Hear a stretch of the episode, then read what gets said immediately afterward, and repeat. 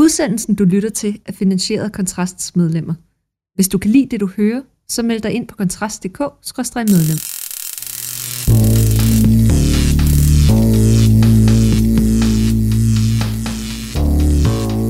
Hvordan skaber man et liv, som giver værdi og som giver mening? Og med hvilke globale trends og nye teknologier kan vi trumfe tradition og vanetænkning? Velkommen til Tændt, podcasten, hvor vi stiller skarp på vilje og skaber trang. I denne uge har Kontrast og dermed også Tændt temauge om velfærdsstat, byråkrati, offentlig fros og søvdearbejde. Det sker naturligvis ikke for at genere nogen, men fordi velfærdsstaten bare vokser og vokser, uanset hvem der er statsminister eller sidder i regering. Det sker ligesom bare, som er en naturkraft. Alt sammen til vælgernes store tilfredshed, og ensynligt i hvert fald. Derfor kontaktede jeg den relativt nyudnævnte formand for Djøf, altså rigets mest magtfulde lønmodtagerorganisation for akademikere med sådan cirka 110.000 medlemmer, for at høre, om foreningen må har en mening om, hvor stor den offentlige sektor skal være. Jeg kunne også godt tænke mig at høre Djøf om, hvad de mener karakteriserer det gode arbejdsliv. Er det for eksempel kunne arbejde fire dage om ugen i stedet for fem dage om ugen? Endelig vil jeg også gerne vide, om Djøf har nogle svar på, hvordan vi får slanket velfærdsstaten med tanke på, at der bliver færre til at betale den i den nærmeste fremtid, og flere, der skal forsørges. I al min naivitet, så skrev jeg til Sara Vergo, formand for Djøf, og hun svarede lige med det samme, at det ville hun gerne. Og derfor sidder du her i studiet med mig, mm. Sara Vergo. Jeg kommer hele tiden til at sige Fergo. Men jeg hedder faktisk også Fergo, selvom det er med V. Åh. Oh. Jamen altså, der kan du bare... Nu, nu, nu er både jeg og lytterne blevet klogere på, på, på rekordtid, så jeg skal sige Fergo. Ja, tak. Okay, mm. men folk kalder dig vel Vergo? Det er meget forskelligt. Der er også nogen, der kommer til at kalde mig Tove Fergo, og det er, ja. det er mere ked af faktisk, ja. end at blive kaldt Vergo, fordi det er trods alt en helt anden person. Det var, ja. Og det var en tidligere minister ja, og, og Venstre, så vidt jeg husker. Nå, øh, Sarah Fergo, mm-hmm. velkommen til. Tak. Dejligt, du kunne komme i det øh, blæsende og sådan lidt halvkølige mm. efterårsvejr.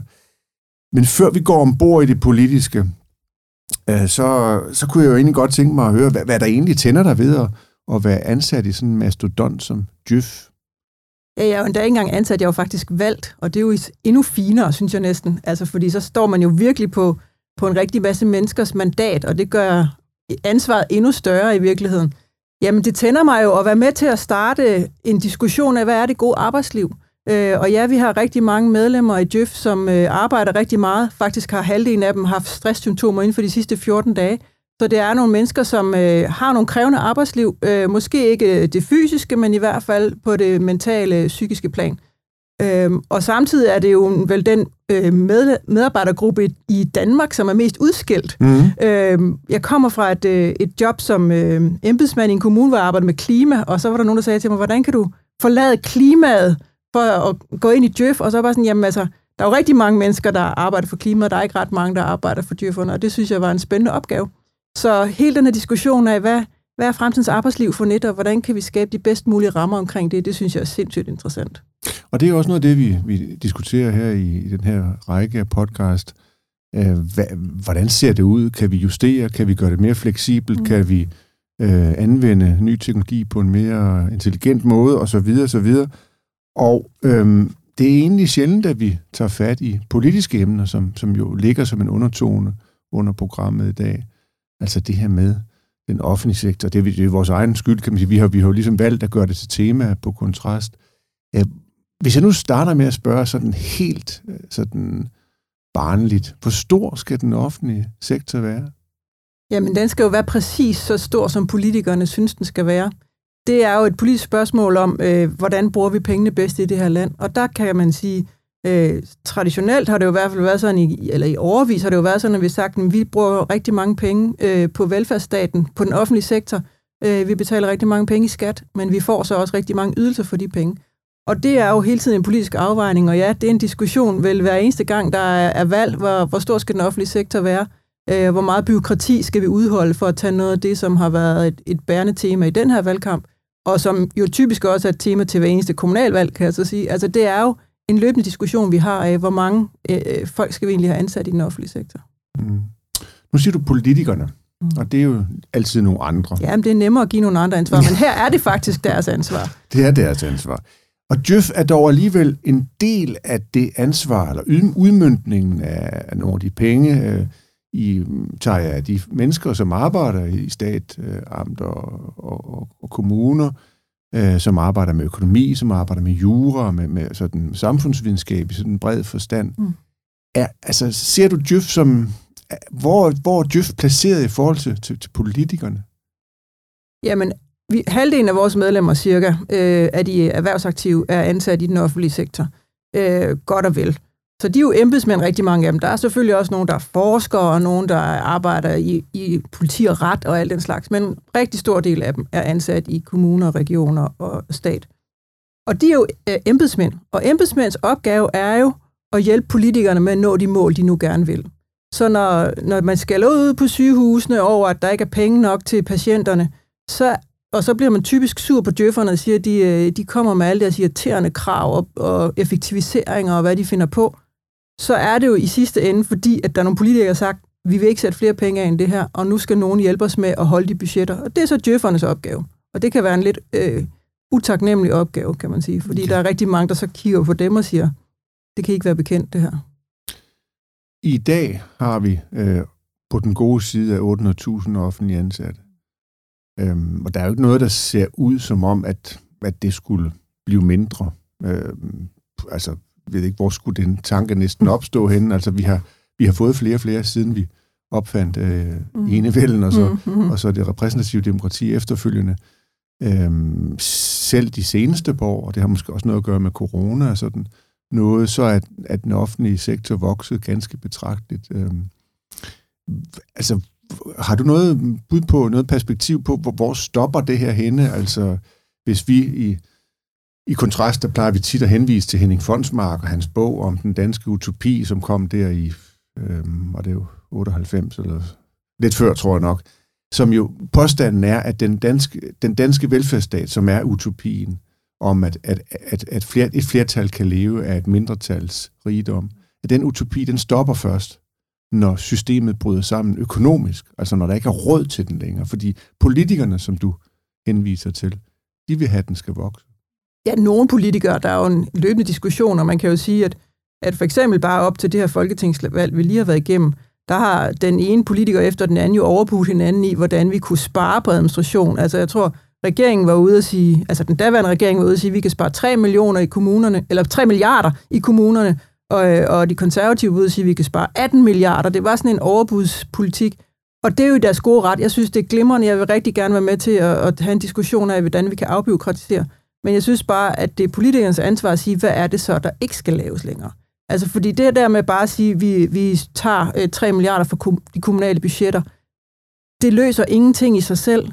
Øh, slet ikke, når man så oplever de her paradoxer, altså som vi jo netop oplevede i valgkampen, hvor der står alle de her politikere og siger, at vi kan spare en masse byråkrati. Der er alt for meget øflødet byråkrati, der er alt for mange benspænd, der er alt for meget kontrol, der er alt for meget dokumentation.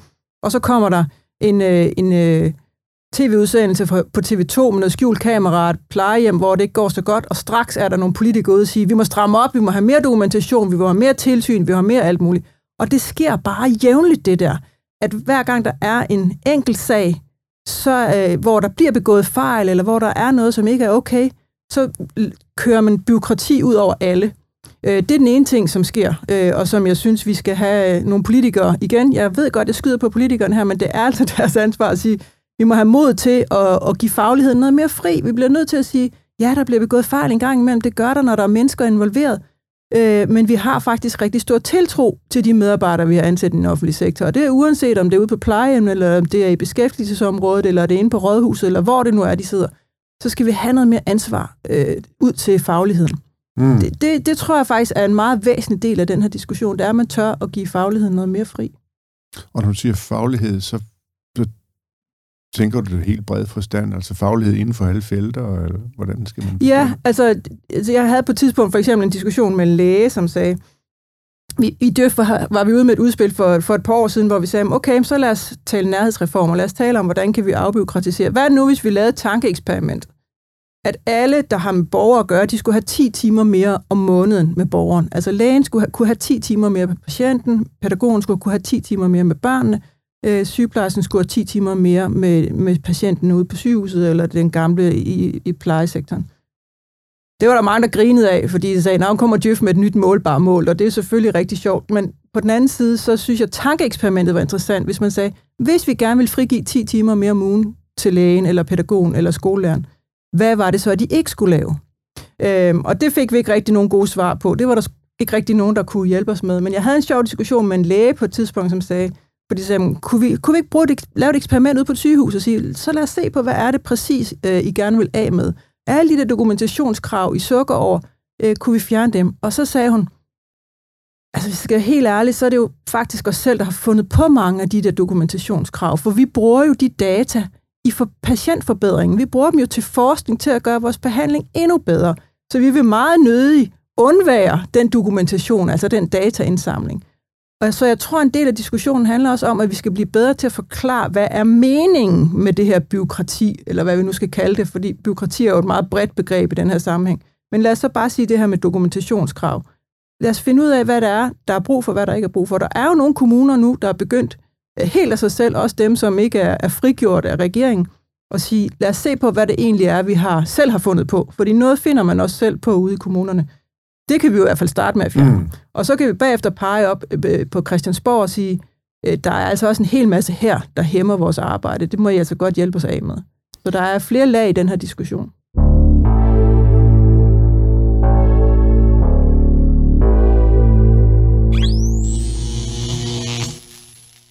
Så nu, nu nævner du det her med enkeltsager, der kører, og så mm. er der plejehjem, og så, og så kommer der en, en, en storm øh, på Facebook og, og på Christiansborg.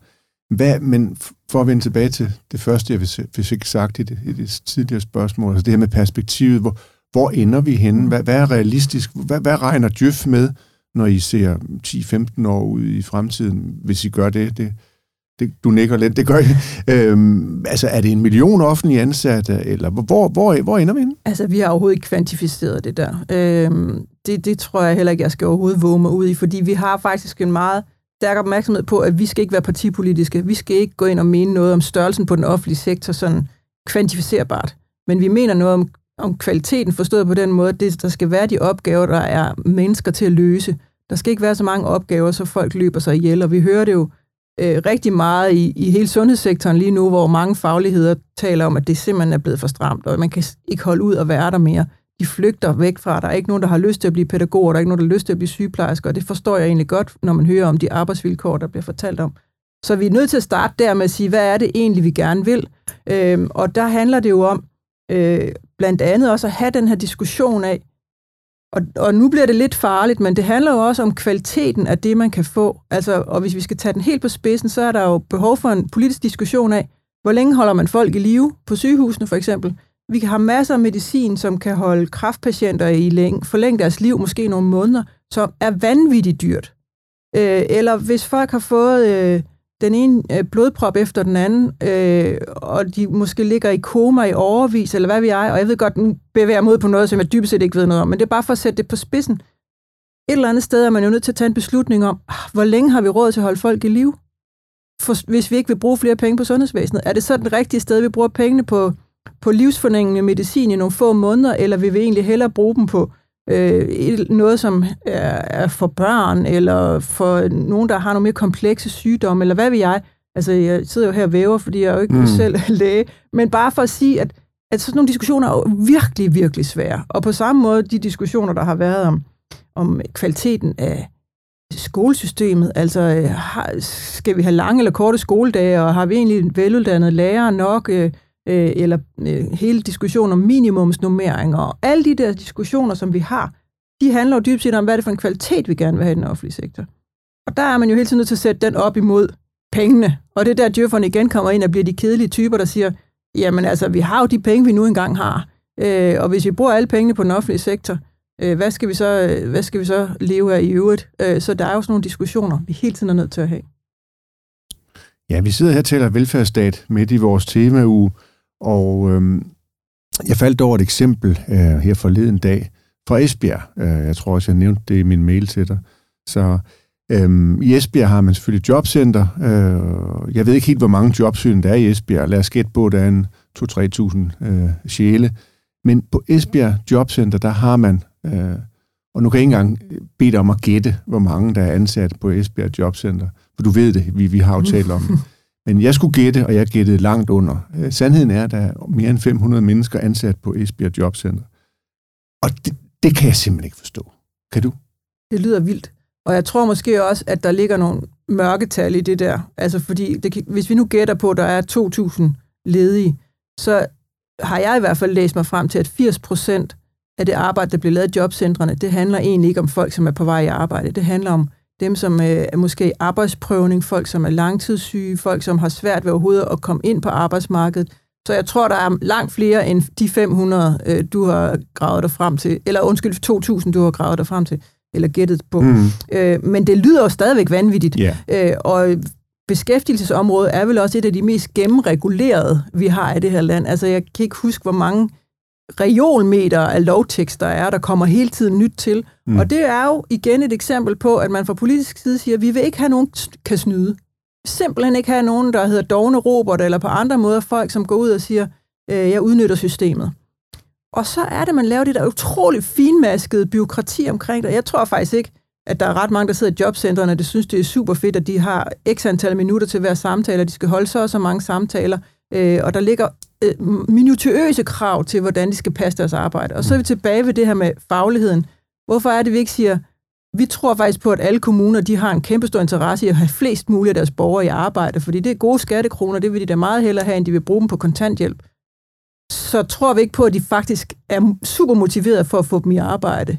Øh, så lad os da se, hvad de selv kan udrette med den faglighed, de nu sidder med, i stedet for at sidde og definere på Christiansborg, hvor mange samtaler der skal holdes, og i øvrigt også, om de må foregå online, eller om de skal være fysiske, og hvad der ellers kan ligge alle mulige krav til, til den her faglighed, der ligger der. Det synes jeg, vi skal have gjort op med. Mm. Og mhm. der kunne jeg virkelig godt tænke mig, at det var et af de steder, man sagde, der slipper vi kommunerne fri. Kan du forstå, så at der er nogle mennesker, der sidder derude, måske endda nogle af vores lyttere, som har en eller anden opfattelse af, at, at folk i den offentlige øh, sektor, som vokser og vokser, øh, er blevet til den herskende klasse, sådan som man beskrev det tilbage i 70'erne. Altså, at, at dem, der øh, på papiret måske tjener mindst, det er faktisk dem, der bestemmer, fordi de sidder på, på, på politikernes velvilje. De vokser, mens det private erhvervsliv, især i en krisetid som den her, øh, kæmper for overlevelse. Kan du forstå den, den, det, det sprog? Altså, kan du, kan du sætte dig ind i øh, den der følelse af, af, nu siger jeg frustration, det er måske for stort et ord, men irritation over, at den offentlige sektor får, og den private sektor må kæmpe øh, med næb og klør. Jamen, nu er vi jo inde igen i noget, som måske er lidt mere partipolitisk i virkeligheden, ikke? men jeg er jo sådan dybest set selv, nu er jeg jo også øh, selv offentligt ansat, øhm, og har været det igennem hele mit arbejdsliv, så jeg er nok lidt biased, lad os sige det sådan. Men jeg synes jo, at den værdi, man skaber i den offentlige sektor, er kæmpestor og til stor, stor gavn for den private sektor. Altså hvis vi ikke har nogle gode uddannelsesinstitutioner, hvis vi ikke har nogle gode daginstitutioner, hvis vi ikke har nogen, der tager sig af de ældre og de syge, så går det jo også ud over den private sektor. Vi har jo brug for det sikkerhedsnet. Og så kan vi så diskutere igen, hvad er kvaliteten af det, og hvor meget skal det fylde og alt det der. Men jeg synes jo helt grundlæggende, at vi har kæmpe værdi af at have så stærk en offentlig sektor. Jeg var på et tidspunkt her, for nogle år siden, var jeg i New York og besøgte nogle af vores djøffere derovre, øhm, og så var der nogle af dem, som arbejder i Udenrigsministeriet i Invest in Denmark, og de fortalte, at de prøver at sælge Danmark til udenlandske virksomheder. Og de sagde, at det er en kæmpe fornøjelse at fortælle udenlandske virksomheder om, hvordan byråkratiet fungerer i Danmark, fordi det er jo faktisk sådan, at hvis man skal have en byggetilladelse, så får man en byggetilladelse. Man får den også til den aftalte tid, og når der skal strøm i ledningerne, så kommer der strøm i ledningerne. Altså, man kan stole på en aftale og en aftale. Altså, der er vi jo enormt dygtige i Danmark. Vi har et enormt veluddannet øh, embedsværk, for lige at tage det, for den offentlige sektor er jo langt, langt, langt mere end det. Øhm, og det betyder altså, at det faktisk har ret let at sælge Danmark øh, på vores gode byråkratier. Vi er jo så også i parentes bemærket øh, rated som det mindst korrupte land i verden. Øh, og det tror jeg også handler om, at vi har et dygtigt embedsværk. Så hvis jeg må tale kun på min egen medlemmers vegne her, fordi de, altså i kommunerne udgør Jefferne 2% af de ansatte, så det er jo en meget, meget lille gruppe der. Ja. Men når vi taler perspektiver, så er det jo blevet sådan nu, at to tredjedel af danskerne er afhængige af offentlige midler. Enten via job, eller via forsorg, eller overførsel, eller kontanthjælp, hvad det nu er. Altså to tredjedel. Og det er jo det, der ligesom er den materielle baggrund for, at nogen taler om, den herskende klasse er blevet den, altså klassen af offentlige ansatte. Hvor stopper det? Altså hvis man... Nogle gange så spørger man sig selv, hvordan kan det egentlig være, at velfærdsstaten fungerer, eller Danmark fungerer? Hvordan kan det være, at vi er sådan en magnet for, for, for, for øh, internationale blikke? Hvordan kan det være, det er så godt og så nemt at sælge velfærdsstaten, når to tredjedel er afhængige af offentlige midler? Jamen netop fordi de supplerer hinanden i to sektorer. Det vil jeg være sådan mit helt korte svar. Øh, og så i det tal, du nævner der, så er det jo også alle de studerende, for eksempel. Altså, man kan sige, at en fjerdedel af Jeffs medlemmer er studerende. Øh, de er jo også på en slags overførselsindkomst. Så er der alle dem, der er på barsel, alle dem, der er syge, øh, alle mulige andre ting end kun nogen, som ligger på sofaen, hvis vi skal sådan være helt karikeret. Øh, Øhm, og så er der alle dem, som jo netop holder hånden under. Altså, vi kan jo, hvis vi skal bare kan sammenligne med, med, da kvinderne kom ud på arbejdsmarkedet, altså det er jo dem, som den offentlige sektor, de opgaver, som de før løste, det er jo dem, den offentlige sektor i et eller andet omfang i hvert fald løser i dag. Ikke? Og det betyder, at kvinderne kan komme ud og tjene nogle penge og lægge dem i skattekassen, og det er vi jo blevet rigere af som samfund. Så jeg tror egentlig, uden at jeg er samfundsforsker på den måde, så tror jeg egentlig, at man kan sige, at det, at vi har en stærk offentlig sektor, og selvom den er stor, så er det faktisk med til at gøre os rigere, fordi vi så har understøttelse af alle de, den arbejdskraft, vi skal bruge i øvrigt i, i Danmark. Og så det her med, at vi faktisk har dygtige forskere, vi har dygtige studerende, så vi bliver klogere og klogere i det her land. Det er også helt klart værdifuldt. Hvis man nu var kyniker, så ville man måske sige, at det er også det, det er netop det her, der er grunden til, at velfærdsstaten er så populær blandt danskerne. Fordi alle nyder godt af den. Mm. Indtil det ikke går mere. Eller hvad? Ja, men det er, jo det, altså det er jo det, der er vores store udfordring lige nu. Det er jo demografi, kan man sige. Ikke? Altså vi, vi mang- kommer til at mangle hænder. Øh, vi gør det allerede i mange sektorer, og det er jo en af de store samfundsdiskussioner lige nu, at psykiatrien halter, og sundhedsvæsenet er ikke godt nok.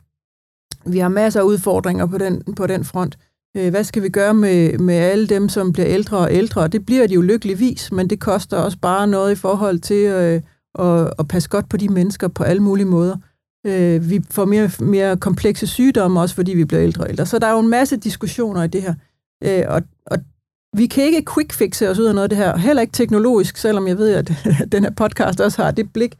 Altså selvfølgelig er der noget, vi kan løse med teknologi, også i forhold til sundhed, øh, men ikke det hele. Og der, der har vi ikke løst problemet, men, men noget af det, vi kan diskutere, er jo lige præcis, hvordan, øh, hvordan undgår vi, at vores medarbejdere bliver så syge? Altså rigtig mange danskere er på en eller anden måde sygemeldte med stress eller andre nedslidninger. Øh, det er den ene faktor, og den anden faktor, det er jo øh, ældre. Altså, vi, vi har rigtig mange, som forlader arbejdsmarkedet allerede i 60'erne. Øh, og der er vi bagud i forhold til, vi har i Døf lavet en undersøgelse, hvor vi sammenligner os bare med Norge og Sverige, hvor gode de er til at fastholde øh, de ældste medarbejdere på arbejdsmarkedet. Der ligger mellem 50 og 60.000 jobs bare i at forlænge vores, vores øh, tid på arbejdsmarkedet på, på samme måde, som man er i Norge og Sverige. Så der er også noget, der handler om, hvordan kan vi passe bedre for den ældste del af, af arbejdsstyrken. Der ligger rigtig mange jobs i det.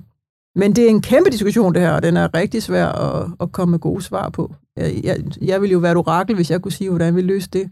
Øh, men, men jeg tror, at nogle af diskussionerne er det her med, hvordan kan vi, hvordan kan vi gøre arbejdslivet bedre øh, for de medarbejdere, der er i den offentlige sektor, så de faktisk holder længere, både fysisk og mentalt. Podcasten er betalt af Kontrasts medlemmer. Kan du lide, hvad du hører? Så bliv medlem på kontrast.dk til en god intropris. Vi har brug for din støtte.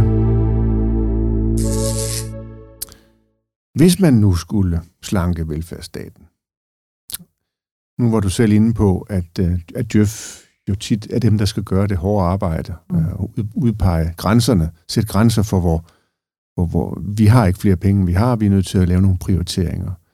Vi skal vælge. Altså hvis man nu skulle øh, slanke velfærdsstaten. Hvordan, hvordan, hvis du blev sat i spidsen for det, jeg ved godt, det er ikke din, din, mm-hmm. dit arbejdsområde normalt, men hvis nu du øh, skulle give noget inspiration videre til de stakler, der sidder måske og, og tumler med det spørgsmål i, i centraladministrationen, hvad, hvad, vil du, hvad, hvad vil det så være? Jamen, nu kommer det også lidt an på, hvordan vi definerer velfærdsstat her. Men hvis vi, har, hvis vi taler om, hvordan vi kunne øh, have færre ansatte i den offentlige sektor, så er der jo ingen tvivl om, at denne diskussion om, hvordan kunne vi øh, afbyråkratisere på en måde, som skaber mere tid til det, vi kalder kerneopgaven. Øh, jeg tror ikke, vi kan undgå byråkrati. Altså, jeg tror simpelthen, det er naivt at sige, at, øh, at hvis vi fyrede alle dem ind på rådhuset, så ville det være meget nemmere at være pædagog eller, eller socioassistent. Fordi der er, er jo noget administrativt arbejde. Altså, der er jo nogen, der skal udbetale løn. Der er jo nogen, der skal lave byggesagerne. Der er jo nogen, der skal sikre, at de børn, som ikke har det godt, eventuelt kan få noget hjælp, eller måske i sidste instans skal tvangsfjernes, eller have en plejefamilie. Der er jo masser af opgaver, som det, vi kalder byråkrati, også handler om. Men hvis vi sådan lægger det til side, og så siger, er der noget andet, vi kunne gøre? Så hvis det var mig, så vil jeg starte med at sige, lidt ligesom man er i gang med nu, sige, hvordan, hvad vil der ske, hvis vi slap kommunerne mere fri?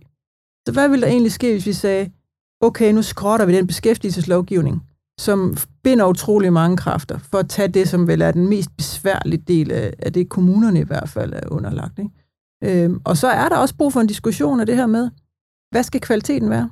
Altså, hvor, hvor, hvor, hvor meget skal man kunne blive behandlet? Hvor længe skal man kunne blive behandlet? Hvor dygtig skal man være, når man kommer ud af skolen? Øh, hvor meget vil vi tillade, at børn øh, render rundt med diagnoser, som man ikke tager sig af? Vil vi overhovedet diagnostisere dem? Altså, alle de her diskussioner er jo, er jo kvalitet, og det er jo mhm. politik i, i sidste men, men det er jo også, ja, det er jo, det er jo øh, substantielt, men det, er jo, det, der kendetegner debatten, er jo, at vi har jo ikke nogen debat om det, om Nej. kvalitet, eller hvor mange diagnoser skal vi udstille, hvor, hvor stort apparat skal vi mm. bygge op, hvor gode skal skolerne være, og øhm, hvordan sætter vi kommunerne fri. Jeg, jeg, har, jeg har ikke hørt nogen tale om det. Nej, man kan sige, altså hvis vi, hvis vi taler om øh, daginstitutioner, så er det hele næsten diskussion om minimumsnummering, og den er vel et forsøg på at sige, at vi skal tale kvalitet. Så bliver det så kvantitativt, og det er jo mm. rigtig ærgerligt, at vi lander der. Øh, det, det, det skal jeg være den første til at ærge over i hvert fald. Øh, jeg forstår godt, at man gør det fra pædagog, pædagogernes side, fordi det er desperat et eller andet sted at sige, vi er simpelthen for få mennesker til at løse den opgave, og vi, vi føler ikke, at vi kan bruge vores faglighed nok, og vi kan se, at der er børn, der mistrives, eller hvad det nu kan være. Så jeg forstår godt, at man siger, et eller andet sted at starte er, vi må have nogle flere voksne øh, i de her institutioner. Øh, på tilsvarende vis, når man lavede skolereform, var man også, tanken var, at vi skal have børnene skal blive dygtige, der skal være mere plads til også bevægelse, og hvad der ellers øh, lå af gode tanker i det. Øh, men igen, så øh, på skoleområdet er der 3.000 læringsmål, eller et eller andet vanvittigt, ikke? Øh, kunne man give det slip og så sige, kære skolelærer, I er super dygtige til det, I laver. Find ud af det. Børnene skal lære at læse, skrive og regne, øh, og så skal de have lidt for, historisk forståelse, og hvad det nu end kan ligge af sådan nogle helt overordnede mål. Og så finder I ud af resten selv.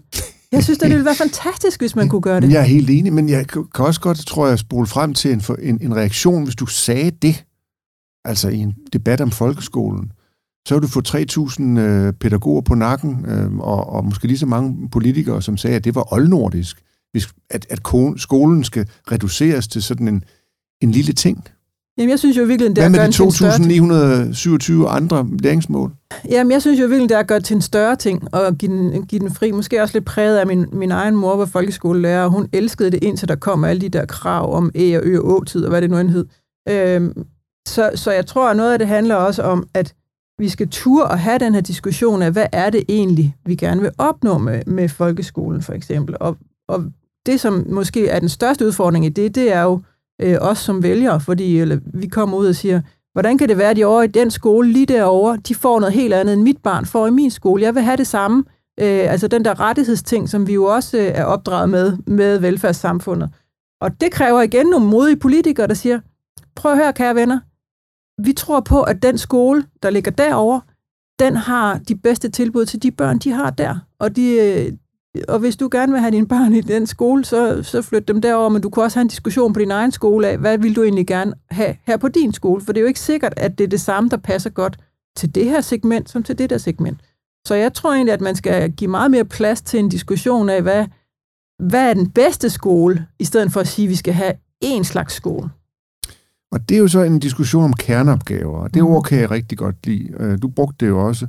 Øhm, det, der synes at ske, når vi en meget sjældent gang taler om kerneopgaver, det er, at vi går fra, som du siger, øh, kvalitet til kvantitet. Altså at, at når vi, lige så snart vi siger kerneopgaver, så skal, så skal det koste flere penge. Altså, skal det det? Øh, nej, det, det mener jeg jo ikke, det behøver, fordi kerneopgaver er jo, at man så reducerer man, øh, så bruger man mindre tid på noget andet. Det kunne være i skolen, hvor man siger, okay, FN's verdensmål, ud med dem, det er lige meget. De skal lære øh, nogle andre ting. Øh, de, altså, der, der er masser af eksempler. Ikke? Kerneopgaver. Så skal man jo vælge noget fra. Og det må jo være en opgave for Djøf. Det synes jeg ikke er en opgave for Djøf. Det synes jeg netop lige præcis er en opgave for folkeskolelæreren, eller pædagogen, eller sygeplejersken, eller socioassistenten, øh, at sige, hvad er det bedste for den her borger, eller det her barn, den her ældre, øh, den her skole, hvad vi vil gerne med den her skole. Øh, der skal ikke sidde en djøffer og beslutte, hvordan det er. Altså det er det, jeg synes er problemet med de der 3.000 læringsmål. Det er jo, at, at så bliver det for ensartet, og der bliver ikke plads til, at lærerne kan sige, lige her hos os vil vi egentlig gerne noget andet.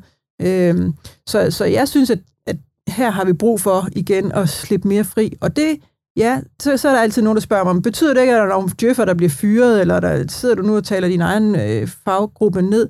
Nej, det er egentlig ikke det, det handler om. Altså for mig er det ikke et mål i sig selv, at der bliver flere djøffere øh, noget som helst sted. Øh, I øvrigt så, øh, så er det jo i parentes bemærket ret interessant, at vi har så mange djøffere, der er i den offentlige sektor, øh, fordi de kan tjene 20 procent mere, hvis de gik ud i den private sektor. Det er jo fordi, de synes, at opgaven er enormt meningsfuld og vigtig, og vil gerne gøre en forskel for samfundet. Øh, og hvis der ikke er så mange jobs i den offentlige sektor til djøfferne, så skal de nok finde et job i det private. Så det er jeg egentlig ikke så bekymret for. Men jeg er egentlig mere bekymret for, hvis vi siger, at vi har ikke brug for nogen djøffer i den offentlige sektor, fordi vi har jo lige præcis brug for nogen, der kan sige, hvordan sætter vi pengene bedst sammen her? Øh, hvordan sikrer vi, at lovgrundlagene er i orden? Øh, hvordan sikrer vi, at øh, de her processer bliver styret på den rigtige måde? Hvordan sikrer vi, at hvis der sidder nogle politikere inde i, i en kommunalbestyrelsessal og siger, vi vil gerne udlicitere rengøringen, så skal der jo være nogen, der laver det udbud. Det er sørme nogle djøffer, der skal lave det. Altså, og, og det, hele tiden er der jo brug for, for den dualitet, der er imellem faglighederne. Altså, der skal sidde nogen, som... Øh, altså, jeg plejer sådan at bruge sådan lidt øh, poppet ord, men altså, det, djøfferen, det er jo lidt sådan back-office, ikke? Eller infrastrukturen, eller sådan... Altså, det er jo nogle af dem, som sikrer alt det lidt usynlige og lidt kedelige, det fungerer. Men, men hvis det ikke var der, så ville der være rigtig mange ting, der blev et problem, og det er det, jeg synes er... Det har vi nok ikke været dygtige nok til, det tager jeg gerne på mig, selvom vi prøver hele tiden øh, at forklare, hvad er det egentlig værdien af det, djøfferne laver. Men det, det er jo lige præcis det her med at sikre, at alting det rundt om fungerer. Altså hvis jeg kan fortælle en anekdote, så øh, i forbindelse med corona der i starten, hvor der var fuldstændig panik i sundhedsvæsenet, og vi skal have respiratorer og stuer og alle mulige steder på sygehuset, der er klar til at tage imod det her væld af mennesker, der kommer ind øh, med corona. Øh, så, så hørte jeg en tillidsrepræsentant, eller hvad hun var, som fortalte, at hun var på et sygehus, hvor det, man så havde fået alt det her op at køre, så på et tidspunkt fandt man ud af, okay, så vildt bliver det slet ikke i Danmark. Vi kan godt begynde at, at neddrosle lidt igen og køre nogle af de der respiratorer tilbage. Så var der en læge, der sagde til en, Nå, men så alle de der respiratorer og senge og specialudstyr, vi har fået her hos os, det, det ryger vel bare tilbage til der, hvor vi har lånt det henne. Så sagde hun, ja, hvis du med mener ryger tilbage til, tænker på alle de udlånsaftaler, der ligger bag ved, al den logistik, der ligger bag ved, at de her respiratorer nu er kommet her til os, det er jo djøfarbejde. Altså, og det er, jo, det, er jo, det er jo ikke altid lige så synligt, men det er jo det der, alt det, man tror bare kører automatisk. Der sidder jo sådan set typisk nogle djøffer om bag ved at sikre, at tingene fungerer. Så djøfferne er, her har du også givet godt forsvar for, for djøf, mm. altså jeres eksistensberettigelse. Men vi kommer jo ikke som samfund udenom det her med at vi skal jo træffe nogle valg, altså vi skal sige, at der, der er noget, vi vil have, og noget, vi ikke har råd til. Øhm, det, sovnepræst og forfatter Christian Ditlev Jensen, han kom til, jeg ved ikke, hvor bevidst han var om det, han kom til at, i en tv-debat at sige, at vi skal begynde at skille mellem de trængende, de værdigt trængende, og de uværdigt trængende. Mm-hmm. Og det skulle han jo ikke have sagt. Fordi det kan man ikke sige, i, slet ikke på tv, de uværdigt trængende. Men det er vel egentlig det. Altså hvis man nu, nu taler vi så om folk, der modtager ydelser af den ene eller anden art. Øhm, der er nogle af dem, som er uværdigt trængende i øh, Christian Ditlevs, Ditlev Jensens øh, optik. Øh, det, er vel, altså, det er vel det politiske valg, mm. som vi skal, vi skal træffe i fællesskab. Jeg mener ikke Djøf eller, eller mm. alle mulige andre, men i fællesskab skal ja. vi jo finde ud af, okay, øh, det går ikke, øh, at alle er trængende. Altså, vi er jo nødt til at skælne for pokker, ja. eller hvad? Det tror jeg da også. Altså, det er jo igen en politisk diskussion. Altså, hvad, hvornår er man værdigt trængende? Øhm, det, det, det ligger der jo rigtig meget politik i. Altså skal man selv betale for nogle af de ydelser, man skal have, øh, når man sidder på et plejehjem for eksempel? Skal man selv betale for en del af, af sundhedsvæsenet? Skal man selv betale for en del af skolen? Øh, det, det er jo hele tiden en diskussion, vi kan have øh, med hinanden, og som, som vi vælger nogle politikere til at træffe beslutninger omkring. Altså jeg kan sige, at øh, det er jo enormt svært at definere værdighed, er det ikke det? Altså Mette Frederiksen sagde jo på et tidspunkt, at nu, øh, nu skulle øh, vi starte forfra med, med lovgivning på ældreområdet, og så skulle det bare handle om værdig ældrepleje. Og der tænkte jeg også, okay, hvad betyder værdig? der skal nok sidde en djøf for at være med til at definere det, må ikke? Øh, men i hvert fald, øh, det, det er jo et super svært begreb øh, at tale om, ikke? Så, så et eller andet sted er man jo nok altid tilbage ved at sige, at vi vil bruge så mange penge her, øh, og så skal vi have fordelt dem. Øh, lige nu prioriterer vi op på, på forsvar, for eksempel, fordi vi kan se, at der er nogle store udfordringer der. Vi prioriterer op på klima, øh, og så øh, er der nogen, og det har været et kæmpe tema i, i valgkampen her omkring psykiatri, for eksempel. Der er simpelthen så mange af vores unge mennesker, som mistrives. Det er jo en kæmpe udfordring, og det kommer også til at koste vores samfund rigtig meget i den anden ende, hvis vi ikke får støttet de her mennesker. Så der er jo hele tiden sådan nogle store regnestykker i gang, som man er nødt til som politiker at vurdere. Og det er klart, at i sidste ende er det jo os alle sammen, der er med til at vælge de politikere, som træffer de her prioriteringer. Men det er jo en prioritering. Og, og Djøf er ikke, altså I, I har ikke noget politisk mandat der. Nej. Jeg ved da tro, at vores medlemmer kommer fra helt den ene til den anden ende af den politiske skala, så vi skal ikke ud og, og mene noget bestemt om det. Og vi har sådan tidligere sagt, vi mener ikke noget om størrelsen på den offentlige sektor. Øh, og det er jo sådan lidt, lidt nemt at sige, men, ja. men i sidste ende, så, så mener jeg det faktisk, altså det er det her, det handler om det her med, øh, er der de kompetencer, de hænder, der skal bruges til de opgaver, man fra politisk hold har defineret, der skal løses. Og så er det politikerne, der skal ind og sige, øh, nu, nu skal der ikke være flere penge til de her ting. Nu skal sagsbehandlingstiden være længere, eller nu er der færre penge, mennesker, der skal i fængsel, fordi vi har ikke råd til at have alle de mennesker i fængsel, eller hvad det nu kan være. Altså, mm. der er jo der er jo utrolig mange afvejninger hele tiden i den der. Men du nævnte dog alligevel det her med rettighedskulturen, mm. som altså på en eller anden måde er, er, er, altså, er gift med velfærdsstaten. Velfærdsstaten har bragt os en masse, masse rettigheder.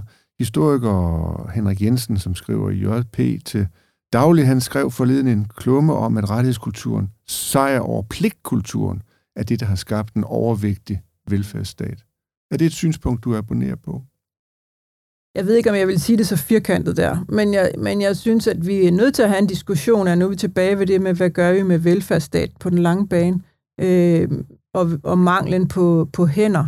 Øh, altså, udover det, jeg har nævnt med, at vi skal holde folk længere på arbejdsmarkedet, kan vi selvfølgelig også importere arbejdskraft udefra, men der er jo også grænser for, hvor meget af den, vi kan trække ind. Øh, men, ja, men, andre grunde. Ja, ja. Der, jo, men også fordi, at der er, andre lande kommer jo også til at mangle arbejdskraft. Øh, så det er, ikke kun, øh, det, kan ikke, det er ikke kun ud fra et kulturelt, eller hvad vi skal kalde det, synspunkt, et politisk synspunkt. Det kan også bare blive, blive rigtig vanskeligt at gøre det. Øh, så, så det er jo en ting, det er hele den her med arbejdskraft, men der er jo også vinde, der blæser. Det har jeg ikke nogen stærk holdning til, kan jeg så godt sige. Men altså, hvor meget skal vi lægge over til, til frivillighedskulturen, eller skal vi tilbage til, at vi selv skal tage en del af omsorgsopgaven tilbage? Og hvis vi skal det, hvordan i verden skal vi få tid til det? Altså det, som jeg synes er, er præger min generation og, og dem, som er lidt yngre. Altså, øh, der er jo ikke nogen bedsteforældre til at passe vores børn længere, for de går jo selv på arbejde. Øh, når børn er syge, hvad, hvad skal man gøre? Altså, det er jo vel en af de største stressfaktorer. Jeg har selv fire børn, kan jeg sige, så jeg har stået i den mange gange. Mm. Øh, hvordan får vi passet vores syge børn, hvis vi ikke har nogen bedsteforældre, vi kan kalde på? Fordi de er jo selv på arbejde, og det bliver jo kun værre og værre, øh, fordi vi lever længere og længere og skal være længere og længere på arbejdsmarkedet. Så det der med at sige, at man skal lige passe sine syge børn og sine syge forældre og have et fuldtidsjob. Øhm, og, og i øvrigt så øh, altså påtage sig flere og flere øh, frivillige opgaver, eller skal man sige ulønnede opgaver. Det, det tror jeg altså heller ikke, vi bare lige kan sige, at det er en nem løsning. Men derfor skal vi selvfølgelig have diskussionen af, er der nogle ting, man kunne gøre, og det kræver så igen en diskussion af, hvordan indretter vi arbejdslivet, så man kan øh, eventuelt påtage sig noget. Altså, skal vi lidt tilbage til gamle dage, hvor man arbejdede lidt mindre lønnet, og så i virkeligheden havde flere omsorgsopgaver. Uden at det kun er kvinderne, der skal tage dem, vil jeg så bare sige. Det er frygtelig kompliceret, når vi taler om det her. Ja. Og jeg vil gerne stille sådan nogle dumme, øh, simple spørgsmål. Det, det sidste kommer her. Øh, hvis jeg nu sagde, kunne det være Djøffes øh, synspunkt, at en, en, den offentlige sektor må ikke være på mere end en million danskere? Nej, det vil vi ikke have nogen holdning til. To millioner? Vi har ikke nogen holdning til, hvor stor den offentlige sektor skal Jamen, være. det kan vel ikke blive ved? Altså, det kan vel ikke de Jamen, det er jo ikke der er vores... nogen, der er nødt til, der er vel nogen, nogen, der er nødt til at være voksne. Ja, og det er politikerne, det er dem, vi vælger til det. Sara Fergo, tusind tak, fordi du var med her i dag til at give Djøfs synspunkter i forbindelse med velfærdsstat og meget andet. Tak for din tid. Vi vender tilbage om 14 dage om et andet og dog relateret emne. Tak for nu.